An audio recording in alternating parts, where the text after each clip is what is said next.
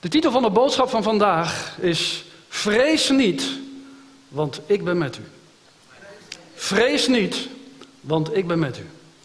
De Heer heeft een boodschap op mijn hart gelegd over angst. Angst wordt in de Bijbel ongeveer 400 keer genoemd, dus het is niet onbelangrijk. De Bijbel leert ons over angst wanneer het zegt vrees niet. Dit zien we terug van Genesis tot met de openbaring. En steeds weer lezen we vrees niet of heb geen angst. Dit bevel werd gegeven aan Abraham, aan Mozes, aan David, aan Daniel, aan Israël. Het werd gegeven aan de stad Jeruzalem. En vrees niet zijn tevens krachtige woorden in het Nieuwe Testament. Ook bij Paulus, die veertien dagen op zee was en dacht dat het schip zou vergaan. Ook hier verscheen net als bij Maria een engel die zei: Vrees niet. Nou, het is belangrijk dat we onze angsten overwinnen. Wat doen we dat niet, dan overwint angst ons. En als dat gebeurt, komt u in een isolement terecht en gaat het van kwaad naar erger. Ik hoorde het verhaal van Nick. Nick was een sterk persoon. Hij werkte bij de spoorwegen.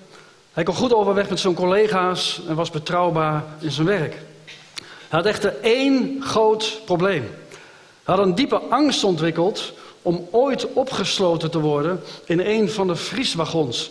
Dat zijn zeg maar treinstellen die bijvoorbeeld vlees of ijs en dergelijke vervoert.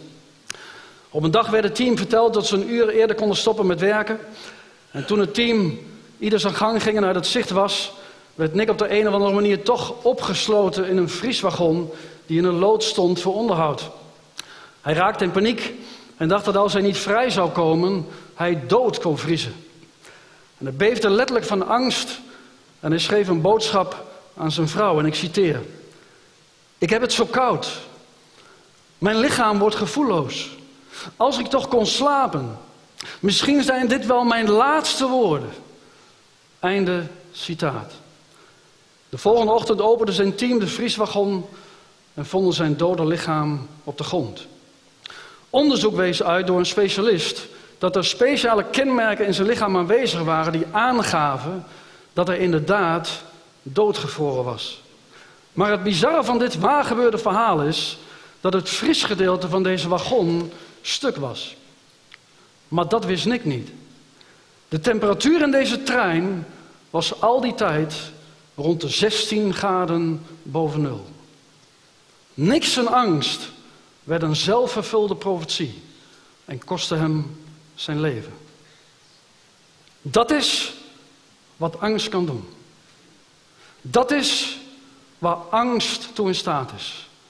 En vandaar dat ik u vandaag wil bemoedigen vanuit Gods woord. En ik wil graag met u lezen Jesaja 41, vers 10. Als u een Bijbel heeft of een telefoon, dan mag u hem openen of aanzetten. Graag zelfs, en dan gaan we samen lezen.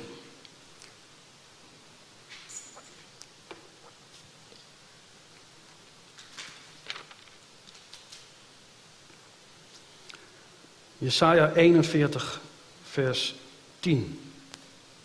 En daar staat: Vrees niet, want ik ben met u. Zie niet angstig rond, want ik ben uw God. Ik sterk u, ook help ik u, ook ondersteun ik u met mijn helrijke rechterhand. Wauw. Is dat geen geweldige tekst? Nou, wat is angst? Wel, angst is in eerste instantie door God gegeven emotie die we hebben ontvangen om ons te helpen en ons te beschermen. Dit is een gezonde, heilzame vorm van angst. Een van de Griekse woorden voor angst is phobos, wat we kunnen gebruiken in positieve zin en in negatieve zin. Noach werd gedreven door angst, uit ontzag voor God, om een ark te bouwen en zijn familie te redden. Kunt u lezen in Hebreeën 11, vers 7. Sommige mensen worden door angst gered van het eeuwige vuur, de hel. Ja, ik weet, er zijn genadebewegingen in ons land die zeggen dat het onmogelijk is om door angst gered te worden. Maar de Bijbel zegt van wel. U kunt het letterlijk lezen in Judas, vers 23. Het woord phobos wordt ook niet voor niets in verband gebracht met de vrezen des Heren. In Spreuken 9, vers 10 schreef Salomo: Het begin van wijsheid is de vrezen des Heren. Vormen van angst dus, waar positieve dingen uit voortkomen. Als je voor een hek staat waar stroom op staat, dan zorgt deze gezonde angst ervoor dat we het hek niet vastpakken en dus ook geen schok krijgen. Deze vorm van angst zorgt er ook voor dat je wel een wormpje oppakt in je tuin, maar geen ratelslang. In dit geval is angst dus positief en beschermend. Nou, angst kan echter in sommige gevallen ook aantrekkelijk zijn. Denk aan de Formule 1 races of bijvoorbeeld aan bergbeklimmen. Deze vorm van angst, waar mensen een kick van krijgen, is, kan overigens wel heel gevaarlijk zijn. Een tijdje terug zag je van die filmpjes op Facebook, waar jongelui op extreem hoge gebouwen de gekste capriolen uithaalden en letterlijk balanceerden op het randje van de dood. Wel, dit is niet cool, maar complete waanzin. Het is gevaarlijk om je in te laten met mensen die niet voorzichtig zijn en geen instinct hebben voor gevaar, wat normaal gesproken gestimuleerd behoort te worden door bedreiging. Samen met je vrienden met 200 km per uur in Duitsland over de snelweg rijden is ook niet cool, maar levensgevaarlijk. Nou, niet alle angst hoeft slecht te zijn. Soms kan angst een geweldig middel zijn om iets te leren. Als je, je vertelt je kind van twee jaar dat het vuur heet is, en legt een gezonde angst in hem of haar om ervoor te zorgen dat hij of zij er niet met zijn vingers aan zit en zich dus ook niet verbrandt. Afstand houden van bepaalde zaken kan heel gezond zijn. Nou, waar werd angst geboren?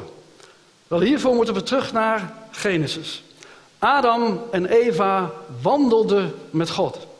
Zij kenden geen angst in het paradijs. Totdat ze van een vrucht van de boom hadden gegeten. Daarna werden ze bevreesd. Nou, hoe kwam dat?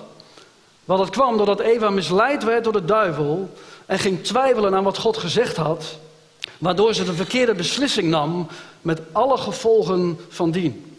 Als zij naar het woord van God geluisterd had, wat God tegen Adam had gesproken, dan was dit nooit gebeurd. De twijfel die Satan zaaide, tastte haar vertrouwen in God aan. Angst leeft mee op de vleugels van twijfels en vernietigt als een plaag. Angst is de grootste vijand van ons geloof. Het rooft ons geloof. En dat is gevaarlijk, want de Bijbel zegt in Hebreeën 11, vers 6: Zonder geloof is het onmogelijk hem welgevallig te zijn.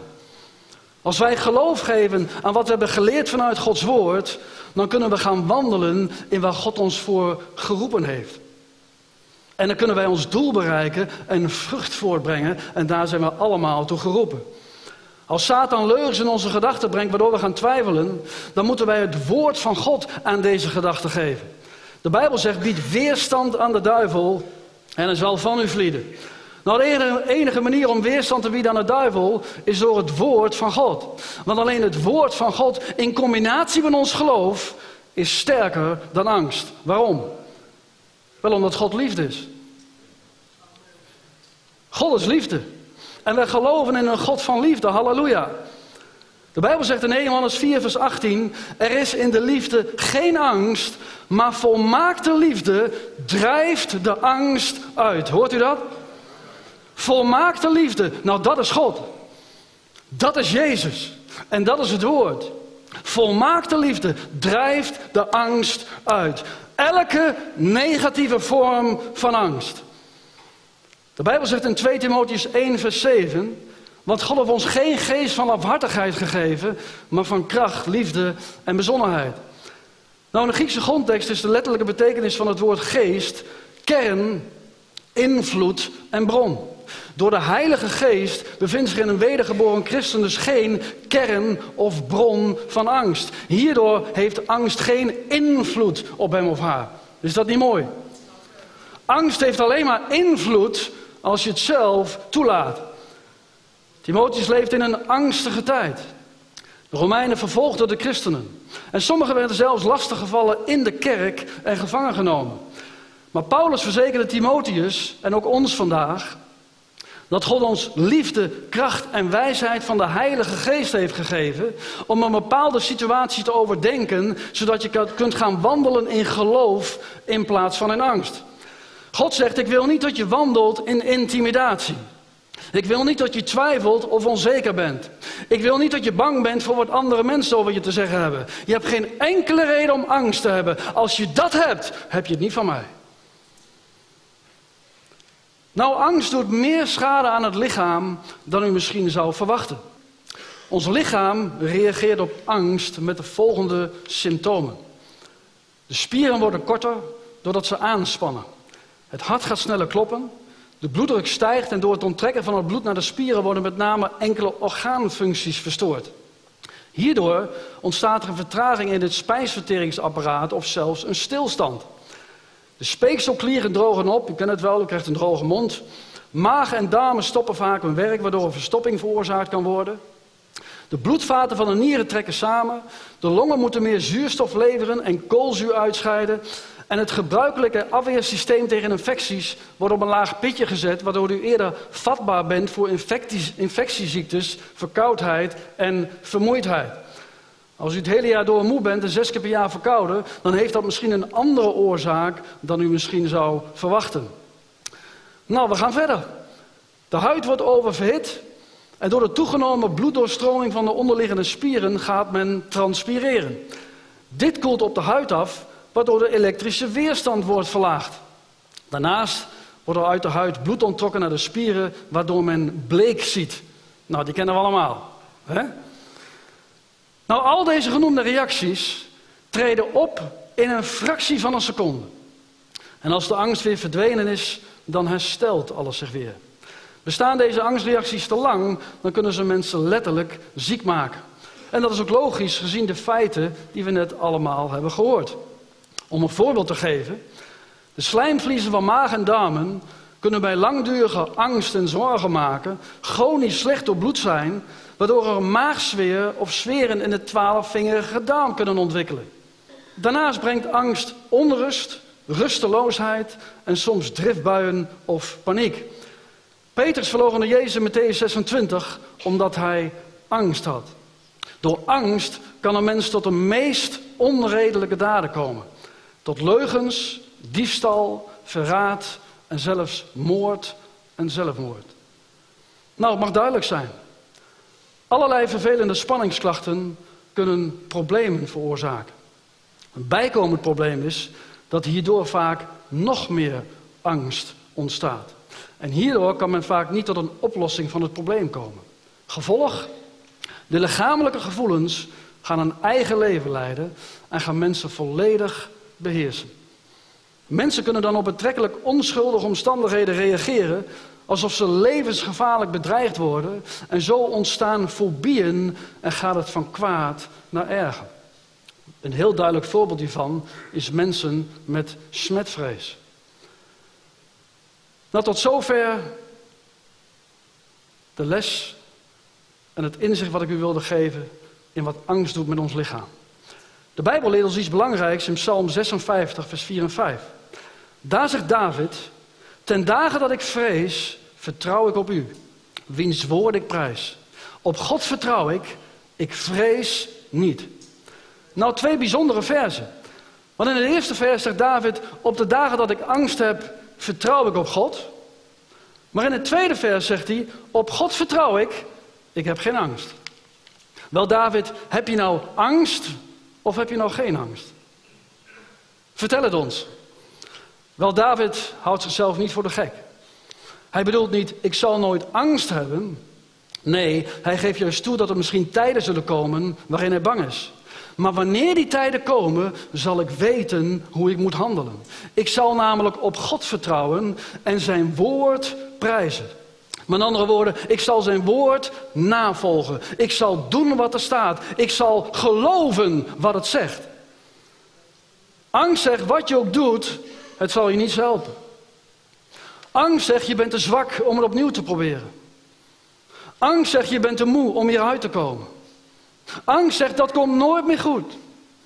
Angst zegt, je wordt nooit meer beter. Maar ik zeg, de duivel is een leugenaar. Psalm 27, vers 1 zegt: De Heere is mijn licht en mijn heil. Voor wie zou ik vrezen? Jesaja 44, vers 8 zegt: Wees niet verschrikt en vrees niet. Waarom niet? Want omdat Gods woord de hoogste autoriteit is. En daarom staat er in Lucas 1, vers 37: Want geen woord dat van God komt, zal krachteloos wezen. Amen. Want geen woord dat van God komt, zal krachteloos wezen. Nou zijn hier misschien mensen of mensen thuis die kijken, die denken wel Henk, deze boodschap is niet voor mij. Maar toch heeft iedereen in deze zaal op de een of andere manier wel ergens angst voor. Er zitten hier mensen in de zaal die totaal op hun gemak zijn. Maar als ik ze nu zou vragen om naar voren te komen om een getuigenis te geven, dan zou waarschijnlijk hun hart in hun keel kloppen van angst.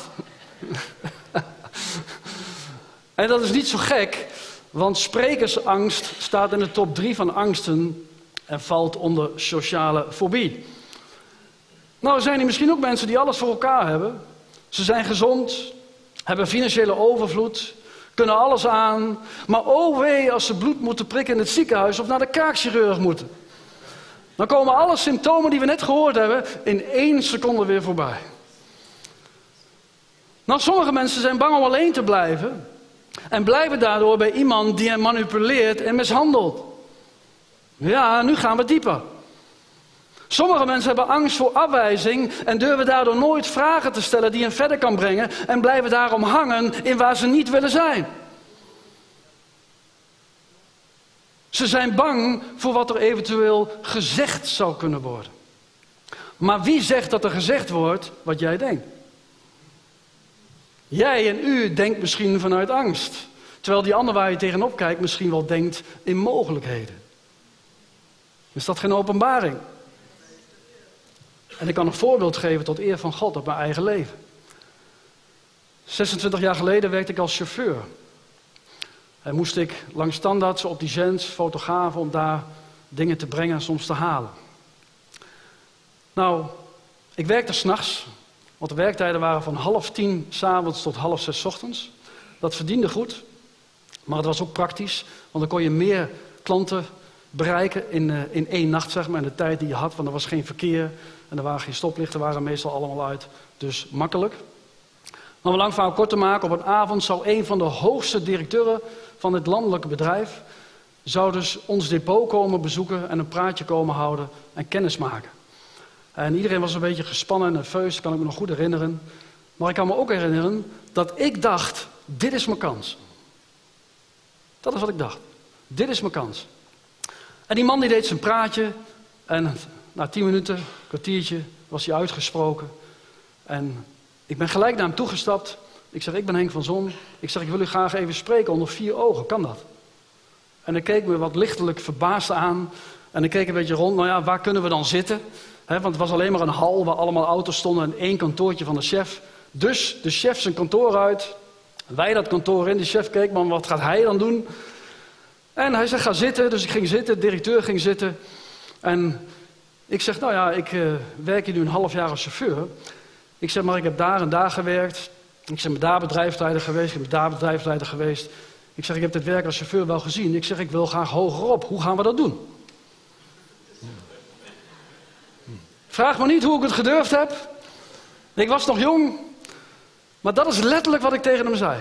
Ik wil graag hogerop. Hoe gaan we dat doen? En die man, ik had het nog niet gezegd, hij begon helemaal te glunderen. En hij ging lekker relaxed achterover zitten en werd volledig ontspannen. En later dacht ik erover na. Ik dacht, waarom begon hij toch helemaal te glunderen? Dat kwam waarschijnlijk omdat hij iets van zichzelf in mij zag. Want toen hij jong was, was hij, was hij waarschijnlijk net zo ambitieus als ik. En daarom is hij waarschijnlijk ook directeur geworden. En we hebben een heerlijk gesprek gehad. En na een minuut of tien, toen zei hij van... Ik ga kijken wat ik voor je doen kan. Je hoort van mij. En wij dat kantoor weer uit. De chef die keek me weer aan. De chef het kantoor in. Nog even met de directeur. En uh, ik ging terug naar mijn collega's. Uiteindelijk de directeur nam afscheid, ging weg. En toen vlak voordat wij aan het werk gingen, toen kwam de chef nog even bij me. En hij stond zo. Hij zegt, ik weet niet wat je gedaan hebt. Hij zegt, ik weet niet wat je gezegd hebt. Hij zegt, maar de directeur is vol over, over je. Jij wordt mijn nieuwe assistent-chef. Paf! En dat was nog precies de bedoeling. En dat ben ik ook geworden. En toen de chef op vakantie ging, heb ik vijf weken lang het hele depot in mijn eentje gerund en met succes. Eén gesprek van tien minuten. Nou, wat ik hiermee wil zeggen is dit, want ik heb hier een bijbelse boodschap mee. Ik zeg dit tot eer van God. Heb nooit angst voor mensen. Ook niet voor mensen in een hogere functie. Geen personeelschef, geen accountmanager, geen directeur of wie dan ook.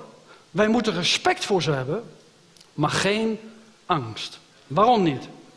Wel, Spreuken 29, vers 25 geeft ons een geweldig woord. Daar staat: Angst voor mensen is een valstrik, maar wie op God vertrouwt, is onaantastbaar. Halleluja. Angst voor mensen is een valstrik, maar wie op God vertrouwt, is onaantastbaar. Heeft angst voor andere mensen u tot nu toe afgehouden van Gods plan in uw leven? Ik zeg altijd, er is geen personeelschef die bepaalt of u die baan nog wel of niet krijgt. God bepaalt dat. Want zijn wil geschieden. Nou, dat is geen hoogmoed. Nee, dat is weten wie mijn voorziener is. En dat is Jezus. U zult verbaasd zijn als u wist hoeveel talenten er in de gemeente van Jezus Christus zijn. Waar niets mee gedaan wordt uit angst. Er zijn mensen met een negatief zelfbeeld. Die meer kunnen dan u en ik samen. Maar bang zijn dat ze falen en uitgelachen worden. En dat is jammer, want God kan iedereen gebruiken in zijn koninkrijk. De Bijbel leert ons niet voor niets om te bidden voor arbeiders, omdat de oogst groot is, maar er te weinig arbeiders zijn. Waar is de volgende Billy Graham? Waar is de volgende Derek Prince of David Wilkerson? Waar is de volgende minister-president, man of vrouw, die ons land wel kan veranderen naar de wil van God?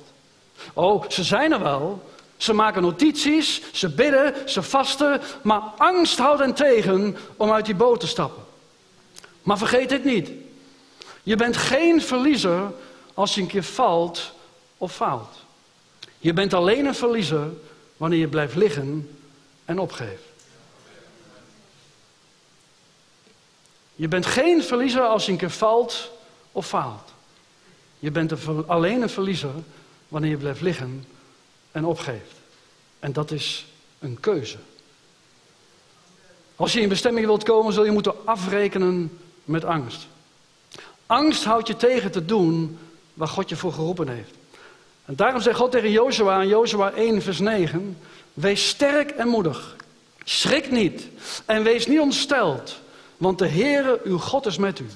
Overal waar u gaat. Halleluja.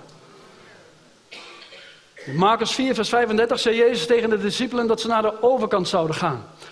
En toen ze op de helft waren, brak er een storm uit. En zo is het ook vaak in ons leven.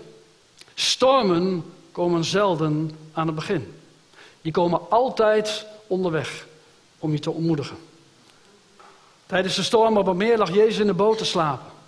En ze maakten hem wakker en zeiden: Heere, red ons, wij vergaan. En Jezus zei: Wees niet bevreesd. Met andere woorden, heb geen angst. Maak je geen zorgen. Ik heb alles onder controle. En hij bedaarde de storm. Welke woorden ontvangen wij in geloof? De leugens van Satan of de waarheid van het woord van God? Jezus had immers gezegd dat ze naar de overkant zouden gaan. Storm of geen storm. Maar er was niemand van de discipelen die dit woord van Jezus in geloof had ontvangen. Ze hadden allemaal angst. Matthäus 14, ander voorbeeld, loopt Jezus over het water. En de Bijbel zegt dat de discipelen verbijsterd waren en schreeuwden van angst omdat ze dachten dat ze een spook zagen. Wel, dit vereist nadere uitleg. In de tijd van de Bijbel waren er namelijk mensen die geloofden dat, dat als je met een schip op het water was, en je zag dan op het water een spook, dan betekende dat dat op die plek een schip was vergaan, inclusief alle bemanningsleden en de kapitein, en dat jouw schip het volgende schip zou zijn wat zou vergaan. En daarom, want de discipelen kenden dit en wisten dit, daarom waren ze verbijsterd en schreeuwden ze van angst. Nou, het probleem was, door een angst herkenden ze Jezus niet. En weet u waarom niet? Omdat God moeilijker te herkennen is tijdens een storm in uw leven. Je bent immers in een storm veel meer op de storm gericht dan op iets anders. Dit was Jezus die ze pas nog gezien hadden. Ze kenden hem. Ze waren vrienden. Maar ze hadden angst. Angst was hun grootste vijand. Terwijl Jezus kwam om hen te redden. De oplossing was onderweg. Want Jezus zei: Houd moed, ik ben het, Wees niet bevreesd. Een van de twaalf discipelen had de moed om uit te stappen en zei: Heere, als gij het zijt, beveel me dan tot u te komen over het water. En Jezus zei: Kom. Vind ik zo mooi. Eén woord. Kom, zei Jezus. En Petrus stapte uit de boot en het wonder was daar. Petrus liep over het water. Een mens van vlees en bloed, zoals u en ik. Nadat Jezus over het water ging, daar kunnen we ons nog iets bij voorstellen. Maar Petrus, wauw. Ik ben benieuwd naar het gezicht van de discipelen. Nou, we zien ook duidelijk in het vers daarna wat er gebeurt als wij ons richten op de omstandigheden. Petrus zag op de wind, werd bang en wat staat er? Hij begon te zinken. En dat is wat er gebeurt als je angst toelaat in je leven. Jezus strekte zijn hand uit, redde Petrus en vroeg kleingelovigen, waarom zijt gij gaan twijfelen? Petrus had op dat moment meer angst voor de wind dan vertrouwen op Jezus. Wel laat dit niet toe. In Prediker 11 vers 4 daar lezen we, wie steeds op de wind let, zal niet zaaien. En wie steeds naar de wolken ziet, zal niet maaien. Met andere woorden, richt je niet op je omstandigheden, maar wandel in geloof, stap uit die boot en blijf in alles vertrouwen op God. Als je geloof hebt, is alles mogelijk. De Bijbel zegt in Marcus 9, vers 23: Alle dingen zijn mogelijk voor wie gelooft. Jezus zegt zelfs dat als wij, hebben, eh, als wij het geloof hebben van een mosterdzaadje, dat we dan nog in staat zijn om te zeggen tegen de berg verplaats je van hier naar daar. Jezus zei ook in Matthäus 19, vers 26, bij de mensen is het onmogelijk, maar bij God zijn alle dingen mogelijk. Ik zeg altijd, en daar begin ik mijn programma altijd mee, we hebben een God without limits. Als bij God alles mogelijk is, en diezelfde God woont in ons, en diezelfde God is met ons, dan hebben we geen enkele reden om angst toe te laten, want Hij die in ons is, is meer dan die in de wereld is. En angst is eigenlijk zeggen, ik vertrouw God niet. Laat die maar even landen. Angst is eigenlijk zeggen, ik vertrouw God niet. Heb geen angst en vrees niet. zijn de meest herhaalde bevelen in de Bijbel en toch het meest ongehoorzaam. Sommige mensen hebben angst om te sterven. Anderen hebben angst voor wat de toekomst gaat brengen. Angst om oud te worden. Angst om ziek te worden. Angst voor dokters. Angst voor aanslagen. Angst voor drukte. Angst om te vliegen. Angst om te falen. En noem maar op. De vraag is, waarom? Als we kijken naar het verleden, dan zijn waarschijnlijk 99% van al onze angsten zinloos geweest. Uitzonderingen nagelaten. Ik hoorde het waargebeurde verhaal van een man die in een trein was gekomen. Ditmaal een trein die bananen vervoerde. En hij wilde zo gratis naar de volgende stad reizen. En hij ging liggen op een baal stro en viel in slaap. Maar hij werd wakker omdat hij iets voelde kriebelen in zijn gezicht. Maar hij kon niets zien omdat het donker was. En hij veegde het weg, maar de kriebel kwam weer terug. En op het laatst sprong hij op zijn voeten. Niet omdat hij angst had, maar meer uit irritatie. En hij had lucifers bij zich. En hij stak een lucifer aan hij kreeg de schrik van zijn leven toen hij een grote tarantula-spin zag. Deze was meegereisd met waar de bananen vandaan kwamen. Je hoort dat wel eens. Twee weken geleden hebben we nog in het nieuws kunnen lezen hier in Nederland. dat er een grote zwarte tarantula-spin meegekomen was met een paar olijfbomen. En die spin was uiteindelijk terechtgekomen in een bouwmarkt. Deze man, hij stond met zijn lucifer keek naar de spin en toen ging de lucifer uit. En deze man werd overvallen door een panische angst. Hij sprong naar de deur, maar deze zat op slot. Hij ramde met zijn vuist op de deur tot bloedens toe. Hij schreeuwde totdat hij geen stem meer over had, maar er kwam geen hulp. En toen hij de volgende ochtend bevrijd werd uit deze wagon, was deze man veranderd in een complete krankzinnige. En voor zover ik dit getuigenis naar waarheid heb gehoord, is deze man tot de dag van vandaag nog steeds een krankzinnige. Niet omdat hij fysieke pijn had. Niet omdat deze tarantula-spin hem iets had aangedaan, want, want dat was niet het geval. Nee, hij was tot waanzin gedreven door angst. Als je zoals deze man angst in je geest toelaat, dan word je krijgsgevangene van je eigen denken. En daarom zegt de Bijbel in 2 Korintiërs 10, vers 4 en 5: Ik strijd met Gods wapens, niet met menselijke, om elke tegenstand te breken. Nou, angst is een tegenstander. Vergis u niet. Angst is een wapen van Satan. Nou, wat zijn Gods wapens? Want die moeten we daar tegenover zetten. Wel gebed, geloof, hoop, liefde, het woord van God en de Heilige Geest, zegt Paulus. Met deze wapens zijn alle argumenten waarmee men zich tegen God verzet te ontzenuwen. Alle barrières tussen God en de mensen worden hierdoor omvergehaald. Wauw, krachtige wapens. Met deze wapens, zegt de Bijbel, breek ik elke opstand van menselijk denken om die terug te brengen tot gehoorzaamheid aan Christus. Deze wapens leren ons om op God te vertrouwen. Ook al heb ik angst, net als David, diep in mijn binnenste vertrouw ik op God. En dat geeft een zekerheid en vertrouwen die alle verstand te boven gaat en gaat veel dieper dan onze emoties. En hierdoor kunnen wij in volledige vrede wandelen. En dat is de wil van God voor ons leven. Dat wij in alle omstandigheden in vrede wandelen. De Bijbel zegt in Psalm 27, vers 1: De Heere is mijn licht en mijn heil. Voor wie zou ik vrezen? Psalm 46, vers 1 zegt: God is ons een toevlucht en sterkte, ten zeerste bevonden een hulp in benauwdheden.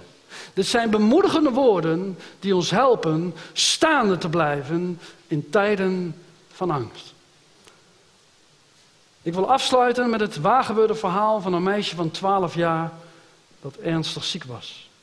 En ze lag zelfs op sterven en het was de dochter van een gemeenteleider.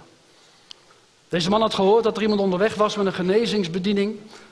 En hij stond hem buiten al op te wachten omdat hij wist dat er weinig tijd meer was. En toen, de, toen deze prediker eindelijk daar was, vroeg de gemeenteleider of hij mee naar binnen wilde gaan om te bidden voor zijn zieke dochter. Maar net op dat moment komt er iemand naar buiten en vertelde dat het kind zojuist gestorven was. Wel is dat niet verschrikkelijk? Je enige hoop waarvan je het idee hebt dat hij net te laat is. Hoe zou deze vader zich op dat moment gevoeld hebben? Je moet er niet aan denken. Maar gelukkig gaf deze prediker niet op. Zijn naam is Jezus. En Jezus zei: Wees niet bang. Heb vertrouwen in mij. Want het meisje, het dochtertje van Jairus, zal weer helemaal gezond worden.